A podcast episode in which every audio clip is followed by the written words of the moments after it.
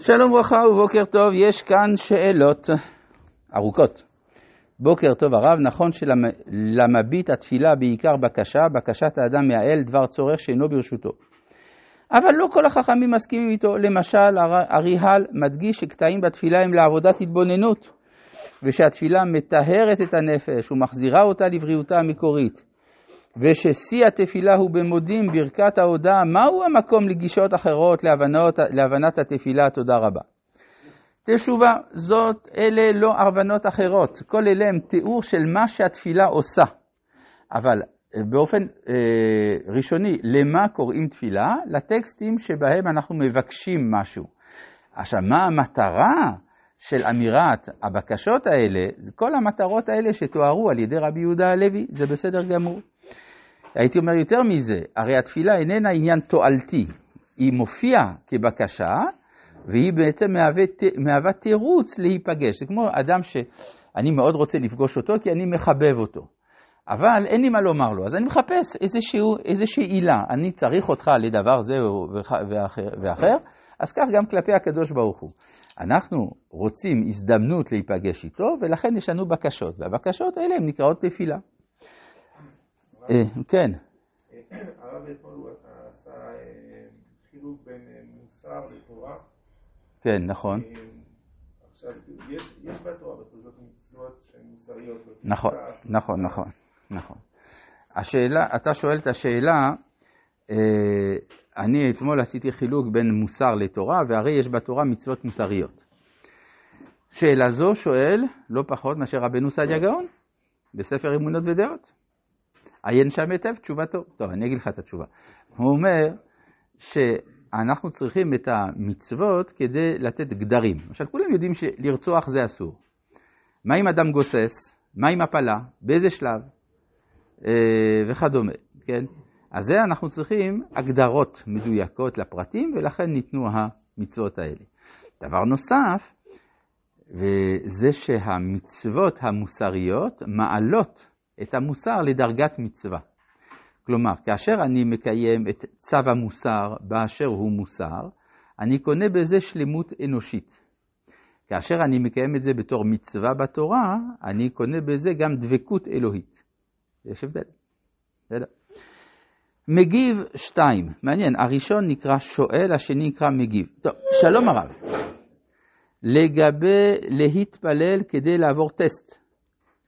מניטו סיפר כמה פעמים, פעם כשהייתי ילד הייתי צריך לעבור בחינה בבית הספר והלכתי לאימא עליה השלום, שהייתה צדיקה אמיתית, כדי שתברך אותי לפני הבחינה. היא נתנה לי סוכריה. לא הבנתי מדוע לא רצתה לברך אותי. כך אמרה לי, תאר לעצמך סטודנט לרפואה, שבמקום ללמוד את החומר למבחן אומר פרקי תהילים. אם יעבור את המבחן זה יהיה נס. אבל מה אתה מעדיף, ללכת לרופא שלמד את החומר ויודע לאבחן את הבעיה, או ללכת לרופא שיודע תהילים. הסוכריה תעזור לך אם תרגיש חולשה במהלך המבחן, אבל אם אינך יודע את החומר, לא תעזור שום ברכה, לא סומכים על הנס. מתוך שיעורי הרב אשכנזי על התפילה. יפה מאוד. כן, הסופר רולן בקרי מספר גם כן על אחד מקרובי משפחתו, שתמיד לפני הבחינות שהוא היה צריך לעבור, היה שואל את אימא שלו, האם חלמת, כן? כי היא הייתה חולמת שהוא יעבור. אז, אה, וטוב, לא, לא, עוד לא חלמתי. ואז נכנס ללחץ, לומד, לומד.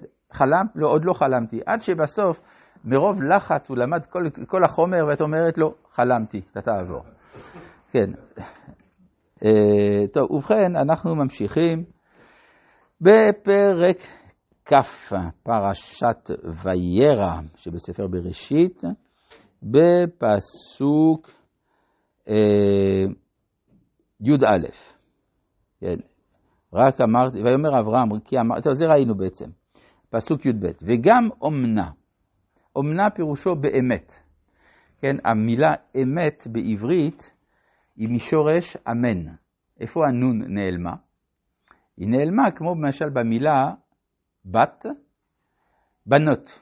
아, אה, ברבים רבים של בת זה בנות, יש נון, אז איפה נעלם הנון? נפל. בארמית ובערבית זה נשאר, בינט. כן? בינט. אז, אה, וגם אומנה, אז אמת זה אמנט במקור. גם אומנה, אז באמת, אחותי בת אבי היא, אך לא בת אמי. כלומר, לא שיקרתי לך אה, לגמרי, שיקרתי קצת. כלומר, לא, אמר, לא אמרתי דבר לא נכון, רק לא אמרתי לך את כל האמת, לא אמרתי לך שהיא אשתי. אבל היא אחותי בת אבי, אך לא בת אמי. ותהי לי לאישה. כיוון שהיא לא בת אמי, היא יכולה להיות לי לאישה. השאלה היא מה הכוונה אחותי, האם אחותי ממש או אחיינית. אבל אה, רש"י אומר דבר מעניין, הר"ן בן אישה אחרת היה. זה, מתאר, זה מתרץ לנו קושי מסוים בפרשת נוח, ששם כתוב שויהי תרח בן 70 שנה ויולד את נחור ואת אה, את, את אברהם, את נחור ואת הרן.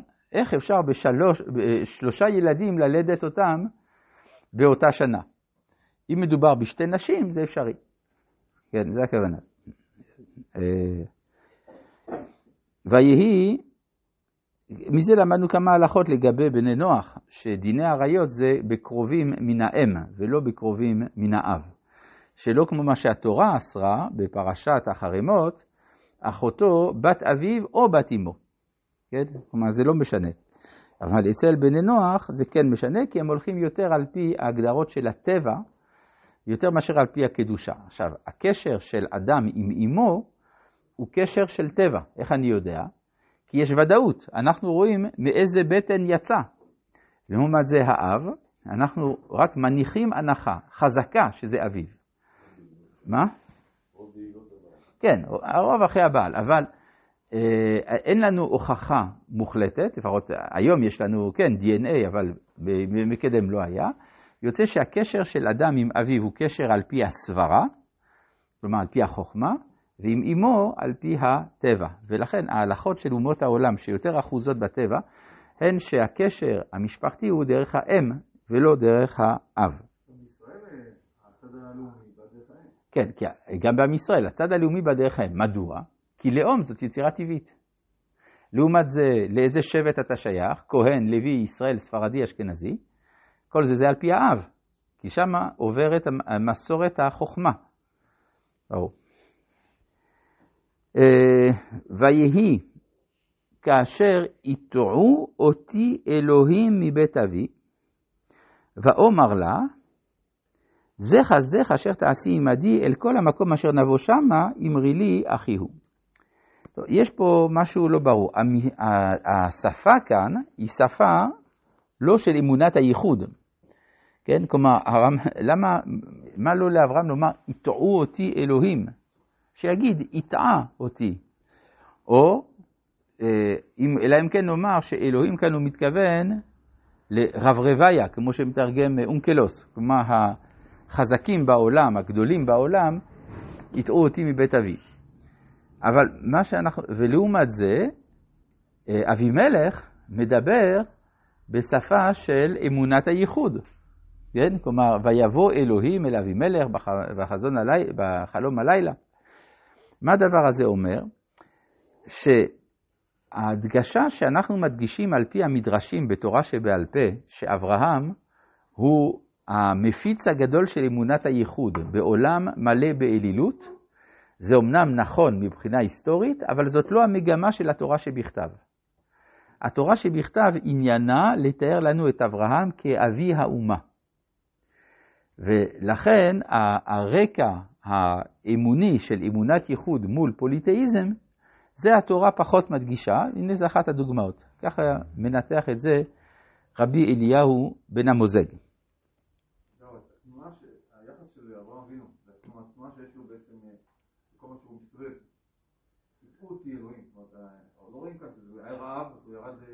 כן.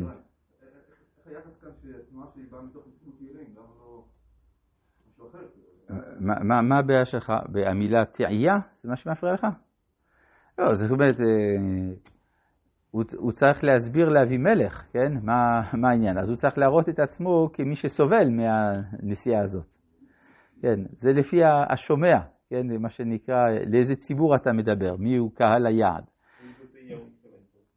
תהיה שהוא יצא מאור כסדים או מחרן, כן, וכל המקומות האלה, או הרעב.